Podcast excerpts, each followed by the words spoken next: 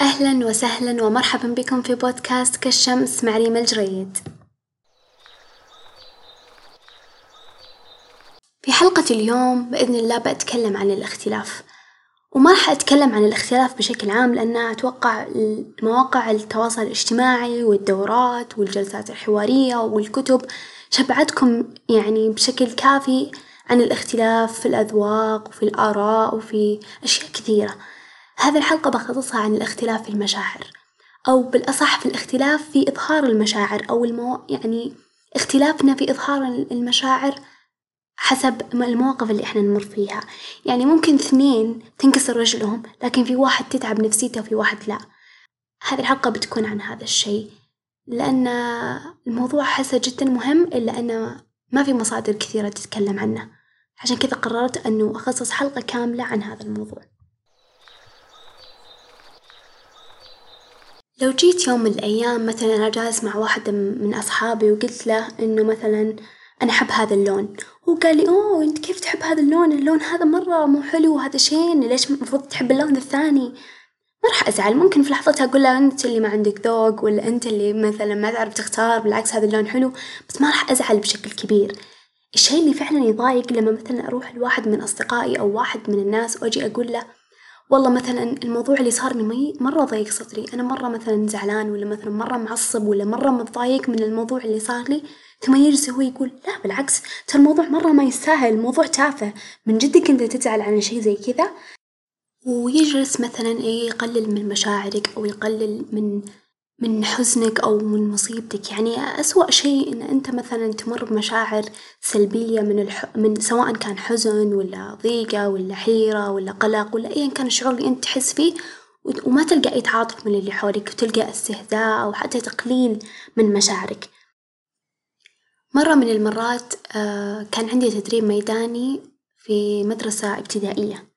وكان عندي حصة فراغ آه عند طالبات سادس ابتدائي حصة سابعة. وأنا بالعادة يعني لما يكون مثلا عندي حصة فراغ عشانهم بنات سادس وشوي كبار ويفهمون كنت أعطيهم مثلا موضوع مهم نتناقش عنه أفتح لهم عرض PowerPoint أتكلمهم عن مواضيع مفيدة، لكن بإني شفتها الحصة السابعة وهم تعبانين وخلاص يعني نهاية الدوام وأنا برضو كنت يعني خلاص تعبانة وزي كذا، قلت خلاص بس بدخل معاهم نضيع الوقت ونسولف عن مواضيع كثيرة، المهم فجأة يعني الحوار فجأة دخلنا في أفلام الرعب. وواحدة من البنات تحمست بزيادة وقعدت توصف مشهد رعب وإنه سكينة دخلت في رأس مدري مين ومدري إيش، فجأة إلا واحدة من البنات تقول لي أستاذة إنه ترى صديقتي اللي جنبي قاعدة تصيح، أنا وقتها انصدمت. قلت بسم الله إيش فيها؟ يعني وخفت مرة، قلت لا يكون مثلا إني أنا قلت شي ضايقتها ولا شي يعني آخر شي واحد يبغى إنه يترك أثر سلبي على الناس ويكون في سبب إنهم مثلا يبكون ولا شي. المهم جلست قعدت مع البنت لين يعني قعدت أقولها وش فيك وش فيك يا بنت الحلال؟ خلاص. إنه وش صار وما أدري وش. لين البنت تكلمت قالت لي إنه إنه أنا لما البنت قاعدة توصف في الفيلم الرعب وزي كذا إنه أنا تذكرت مشهد قد شفته مرة يعني مؤثر وبكاني يعني، المهم تخيلوا البنات أو قبل ما تتكلم هم مرة كانوا شايلين همها إنه صدق إيش فيها البنت وما أدري إيش، ولما عرفوا إن هذا سبب صياحها وسبب بكائها تخيلوا قاموا يعني يستهينون في الموقف اللي صار. آه بس قاعدة تصيحين عشان شي زي كذا. وش تسخ يعني قصدهم إنه وش السخافة وش التفاهة، أنا طبعا وقتها مرة عصبت. يعني عصبت شوي يعني مو مرة عصبت، وقفتهم قلت بنات لو سمحتوا ترى الاختلاف نعمة، يعني حتى اختلافنا في مشاعرنا واختلافنا في الأشياء اللي تأثر فينا الأشياء اللي تعصبنا الأشياءنا الأشياء اللي تقلقنا هذا برضو الاختلاف لازم إحنا نحترمه، مو لازم الشي اللي يأثر فيك يأثر فيني، مو لازم الشي اللي ما يأثر فيك ما يأثر فيني، إحنا مختلفين جدا، طريقة تربيتنا المواقف الصعبة اللي مرينا فيها بحياتنا سواء الحين أو حتى وإحنا أطفال، شي طبيعي إنها بتغير ردة فعلي تجاه الأمور الصعبة اللي في حياتي، سواء أنت قاعد تشوف هذا الموضوع تافه ولا قاعد تشوفه شي قوي أو إن تشوفه شي قوي ولا مو تافه. هذي وجهة نظرك، لكن أنا بالنسبة لي أشوفه شي قوي وشي قاعد يأثر فيني وقاعد يضايقني، يعني أنا بعلاقتي مع واحدة من البنات اكتشفت في شخصيتها إنها وشو هي من الناس اللي لما مثلا أنا أمر بتجربة صعبة هي قد مرت فيها أو قد سمعت فيها أو تعرفها بطريقة أو بأخرى تراعيني وتحس فيني وتحسسني إنها متفهمة مشاعري السلبية أو حزني ولا قلقي ولا توتري عن هذا الموضوع، بس لما مثلا أنا أمر بتجربة هي ما قد حست فيها أو ما قد مرت عليها ولا قد خاطرت ببالها ألقى منها استهزاء ألقى منها تقليل ألقى منها تكذيب. سواء هذا الشيء وصلني من نظرتها أو حتى من كلماتها اللي ترميها أو حتى من تصرفاتها، يعني مو شرط إن إنت تعبر عن قلة احترامك وتقديرك لمشاعر الناس بالكلام بس، ترى الناس تفهم، يعني في ناس تفهم من نظرات، في ناس تفهم من أسلوب إنت قاعد تتكلم فيه من نظرة من لمس، يعني الله سبحانه وتعالى لما لما قال في سورة الهمزة ويل لكل همزة لمزة، شوفوا كيف يعني الله قال ويل ويل للهامز اللامس اللي إحنا نعتبر مثلا شخص هذا ما نقدر نمسك عليه شيء هو ما تكلم. هو بس مثلا رمى كلمة ولا غمز غمزة فمعناته إن إحنا ما سوى شيء، لكن من كثر ما إن الهمز واللمز هذا يأذي الناس الله سبحانه وتعالى ألطف بنا من الناس، هو يعرف إن ممكن كلمة أو غمزة أو لمزة تأثر فينا وقديش تجرحنا حتى لو ما عبرنا، يعني ممكن إنت إذا شخص لمز أو لمز ما تقدر ترد عليه ما تقدر تقول له ترى ترى مثلا نظرتك ولا تعبيرك ولا لغة جسدك ولا حركتك اللي سويتها لما أنا تكلمت ولما عبرت لك عن مشاعري ضايقتني وحسستني بالتفاهة وحسستني إني إنسان تافه وما لي قيمة، ما تقدر تقول له لأن ما في شي فعلا ملموس كصاير إلا أن الله سبحانه وتعالى ما ينسى هذه الأشياء، كل شي محسوب عند الله وكل شي مكتوب. يعني أنا صراحة من خلال تجاربي في الحياة مع إنها لسه تجارب صغيرة يعني وقليلة، ومن خلال علاقاتي مع الناس سواء العلاقات اللي لسه طويلة للحين مستمرة أو العلاقات اللي ما استمرت بسبب مشكلة صارت أو سوء فهم أو سوء اختلاف، تعلمت مرة كثير، بديت يعني أنظر للأمور من ناحية أخرى وأراعي الناس أكثر، وخاصة يعني تخصصي في الخدمة الاجتماعية. خلاني أفهم الناس أكثر، أستوعب ردات فعلهم، يعني حتى لو إن الشخص ما عبر عن إنه ليش مثلا هو سوى هالردة فعل، إلا إني أشوف نفسي قاعدة أفهم قاعدة أشوف جواه وش هو يحس وهو قديش قاعد مثلا يتألم أو قديش مثلا هذا التصرف ذكره في موقف معين لدرجة إنه تألم كثير وسوى ردة فعل، لكن حتى قبلها حتى لو كنت ما أفهم ما كنت ما كنت أقلل من مشاعر شخص خاصة إذا كان صديق. لو جاني صديقي وقال لي والله أنا شفت رجل فضائي من المريخ نزل و... وهذا الفضائي مثلا حبيته والله صار عندي مشاعر تجاه هذا الفضائي. حتى لو إني أنا أكذب الفضاء أو أكذب هذه الأشياء إلا إنه عشانه صديقي وعشانه غالي علي بصدقه. بصدقه إذا كذبوه الناس بوقف معاه إذا ما حد وقف معاه بكذب كل الناس وأصدقه هو إن هذا صديقي اللي أنا اخترته من بين كل الناس وعزيته وقدمت له الحب وال... والعطف وقدمت له إني أنا أسمعه وأحس فيه وأحس بمشاعره، مهما كانت التجربة حتى لو كانت وهمية مثلا نفرض إن صديقي مجنون هذا وقاعد يسوي كل هذه القصص من مخه، مهما كانت هذه التجربة ب... يعني بنظر الناس هذه جنون وكذب إلا أنها بنظر صديقي حاليا تعتبر تجربة يعني حقيقية وواقعية وهو قاعد يتألم ويحس فيها. ف... فيعني آخر شي هو يبغاه إنه يلقى شخص سواء خاصة إذا كان هذا الشخص قريب منه يلقى هذا القريب قاعد يكذبه، يلقى هذا القريب مو مصدقة، ويلقى هذا القريب يعني قاعد ضده أو قاعد يستخف بمشاعره ولا يستخف بتجربته ولا قاعد يكذبه، وأنا بكلامي هذا مو قاعدة أقول لكم مثلا إنه الناس الكذابة أمشوا معاها ولا صدقوا كل الناس، لا طبعًا. لكن يبان الشخص لما يكون كذاب وقاعد يقول كلام يعني من تأليف راسه وبين الشخص اللي صدق التجربة هذه قاعدة تأثر فيه وتأثر على حياته، هذا إذا افترضنا جدًا إن هذه التجربة صدق غير واقعية، ما بالك إن أصلًا أغلب التجارب اللي يجون يشكون لنا عنها أصدقائنا وأقاربنا تكون تجارب جدًا واقعية وقاعدة تأثر فيهم قاعدة تألمهم، لكن ممكن أنا كنظرتي الضيقة قاعدة أشوف إن هذه تجربة تافهة. وقاعدة أشوف إن هذه التجربة المفروض ما تأثر فيه المفروض ما تألمه المفروض ما تضايقه. إلا أن علي احترامها. لازم أحترم وجهات النظر لأن هذا جزء لا يتجزأ من حياة الناس. مستحيل أنت بتلقى شخص يشابهك مية بالمية يحس نفس إحساسك يتألم نفس ألمك يقلق نفس الأمور اللي أنت تقلق. لها مستحيل. يعني حتى أخوك اللي ساكن معاك بنفس البيت تلقى مشاعره وأفكاره وأمنياته وأحلامه مختلفة عنك، والأشياء اللي تأثر فيه مختلفة جدا عن الأشياء اللي تأثر فيك، ممكن في تشابه صح لأنكم إخوان إلا إن في اختلاف كبير، يعني على على قد التشابه. يعني إحنا كبشر شي طبيعي إنه بيكون بينا تشابه كبير، إلا إن الاختلاف بيكون أكبر. لأن تجاربنا شخصياتنا نظراتنا تجاربنا اللي مرينا فيها سواء كانت هذه تجارب سعيدة ولا حزينة ولا مؤلمة ولا مفرحة كلها تأثر على نظرتنا للحياة وتفاعلنا معها. وقديش إحنا نطلع مشاعر تجاه للأمور اللي إحنا نمر فيها. في فصل من فصول كتاب العادات السبع للناس الأكثر فعالية ذكر الكاتب ستيف آه تفسير مرة عجبني لعبارة عامل الناس كما تحب أن يعاملوك، دايمًا يخطر في بالنا إحنا لما نسمع هذه العبارة إن مثلًا إنت تحب إن الناس يعاملونك آه، بتفهم عاملهم بتفهم، إنت تحب إن الناس يكونون كريمين معك كون كريم معاهم، إنت تحب الناس إنه يصيرون يسوون معك كذا سوي معهم كذا، إلا إنه فسرها الكاتب بأسلوب جدًا ملفت للنظر، بقول لكم أو بقرأ لكم التفسير حقه، قال المعنى الجوهري لهذه العبارة هو فهم فهمهم فهمًا عميقًا كأفراد بالطريقة التي تود أن تفهم بها، ثم تتعامل معهم على أساس هذا الفهم، يعني إنك أنت تفهم الشخص ثم بعدها تلقائيًا تتعامل معه على أساس هذا الفهم، وهذه العبارة جدًا فضفاضة وتشمل جميع جوانب الحياة، لكن أنا أبغى أركز عليها من جانب فهم مشاعر الآخرين أو فهم ردة فعلهم تجاه الأمور اللي يمرون فيها. فأنت بكل بساطة لما مثلا يتصرف صديقك تصرف تحسه مثلا مبالغ فيه مثلا تلقاه عصب على موضوع أنت تعتبره تافه أو إنه زعل على موضوع هو ما ما يستاهل الزعل أنت بكل بساطة تقدر تجلس معاه وتحاول تفهم، بالعكس أنت صديقك إذا حس منك إن إنك تبغى تفهم بينبسط. بينبسط إن في ناس تبغى تفهم هو ليش حس كذا تبغى تتألم لألمه تبغى تحس فيه تبغى تشعر فيه. بينبسط كثير، وأنت هذا الفهم بيساعدك كثير.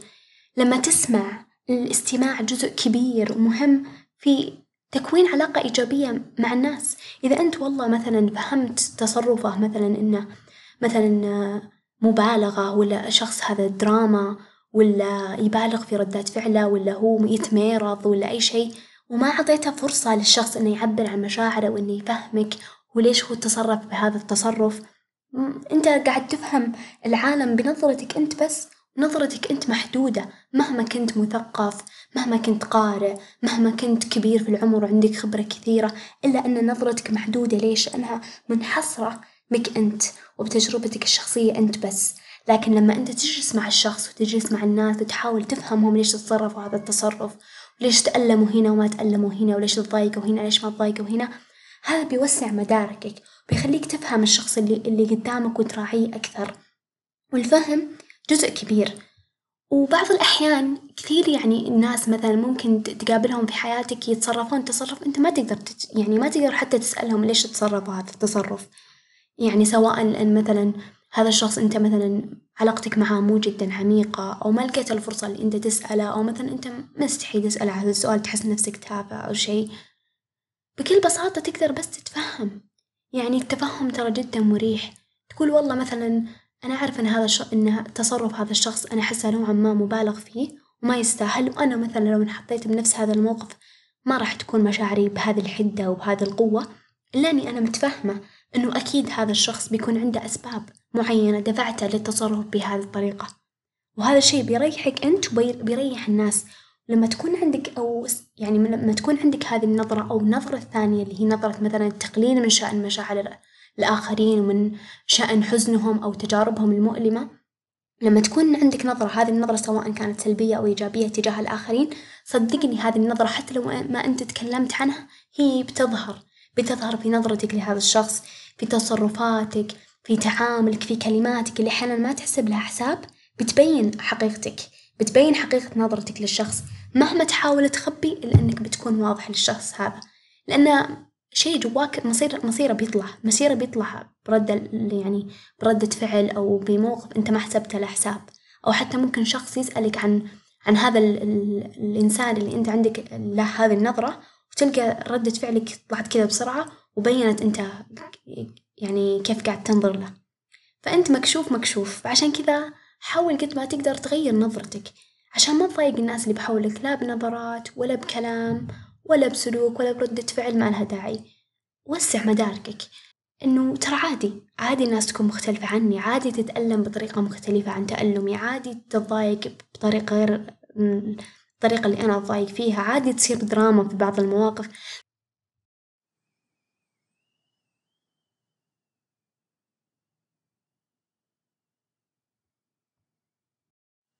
يعني إنت مثلًا كشخص ممكن السنة هذي شي يأثر فيك؟ ما كان يأثر فيك قبل خمس ولا عشر ولا عشرين سنة، ممكن موقف يمر عليك اليوم تحسه موقف جدًا عادي بس يمر عليك بعد سنة ولا خمس سنوات تلقاه يأثر فيك ويجرحك، فما بالك بالناس يعني إنت نفسك كشخص واحد تتغير خلال السنوات وخلال التجارب ولما تمر بعلاقة مختلفة عن العلاقة اللي قبل. تتغير على أساسها ردات فعلك ومشاعرك وتأثرك بأمور الحياة، ما بالك بالناس اللي أصلًا مختلفين جدًا عنك. طيب خلونا الحين نجيب مثال عشان يعني ما يكون كلامنا يعتبر كأنه تنظير وما له شي بالواقع، أنا مرة كنت أراجع عند أخصائي نفسي وقال لي هو بنفسه قال لي يا ريما أنا مرة لما قبل عشر سنوات ضعف بصري مرة تعبت نفسيتي، أنا طبعًا ما سألت عن الأسباب لكن يعني قدرت شوي أحلل الأسباب من وجهة نظري، قلت يعني ليش مثلًا هو تأثر بضعف النظر اللي جاه وشخص ثاني تلقاه أبدًا ما يتأثر، قلت يختلف. مثلًا إنت كشخص ممكن تكون بصري أكثر من إنك سمعي فالبصر يهمك بشكل كبير، فلما تفقد البصر لو حتى بجزء بسيط هذا يأثر عليك بشكل جدًا كبير. أنت ممكن شخص مثلًا محافظ على صحته بشكل كبير وتلقاك تاكل أكل صحي وتسوي رياضة، فلما تجيك مثلًا مشكلة صحية بتتضايق أكثر من الشخص اللي أصلًا مهمل صحته، فشوفوا كيف سبحان الله يعني تجربة واحدة أو ألم واحد أو مشكلة واحدة يعني إلا أن رداتنا ردات فعلنا تجاهها تكون جدًا مختلفة وغير متوقعة، وإلى الآن يعني يعتبر علم النفس من أصعب العلوم في العالم. لأن الإنسان مزيج ودائما ردات فعله غير متوقعة، تلقى ممكن يسمع كلمة من فلان يتضايق ويسمع نفس الكلمة من فلان ثاني ما يتضايق، يعني إنسان يعني غالبًا ما نقدر نتنبأ بردة فعله، اللي علينا بس إن إحنا نتفهم الناس ونراعي مشاعرهم. ما دام هم في النهاية ما ضرونا هم بس جالسين يتكلمون عن مشاعرهم، قاعد يقولون والله إحنا تعبنا إحنا تضايقنا إحنا تألمنا. اللي علينا بس نتفهم وهم بيكونوا جدا شاكرين لهذا التفهم اللي إحنا أبديناه. يعني واحدة من التجارب اللي أنا مستحيل أنساها آه، مرة من المرات كان عندي نهائي عملي وكان هذا النهائي يعني يكون قبل النهاء النهائي العادي تقريبا بأسبوع أو أسبوعين،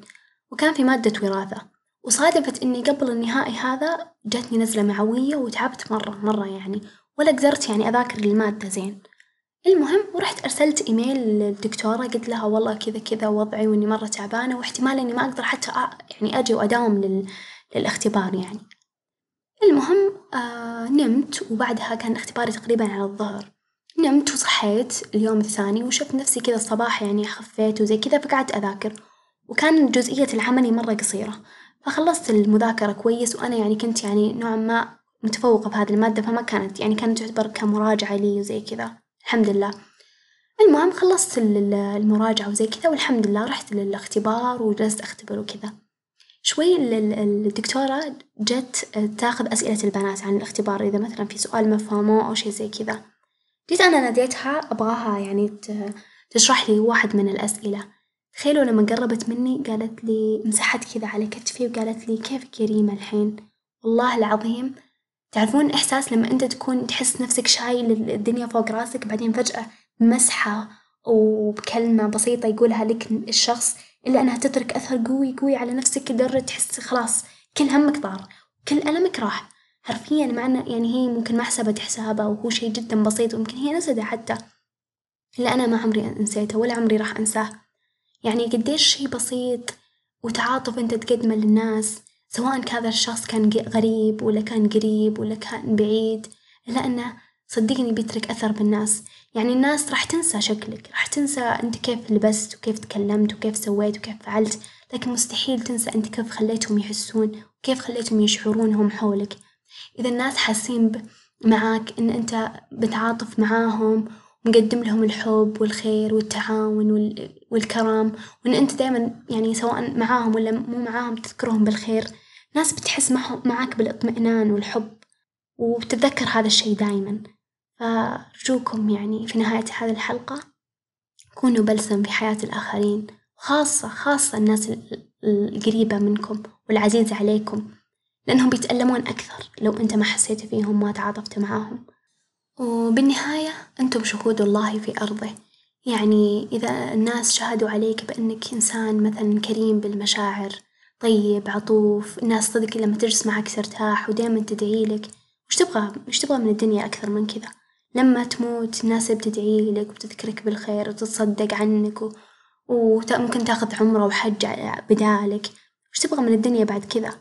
يعني أنتم شهود الله في أرضه الله الرسول عليه الصلاة والسلام قال هذا الشي، فإذا الناس شهدوا عليك بالخير فأنت بإذن الله بتلقى الخير من الله سبحانه وتعالى يوم القيامة.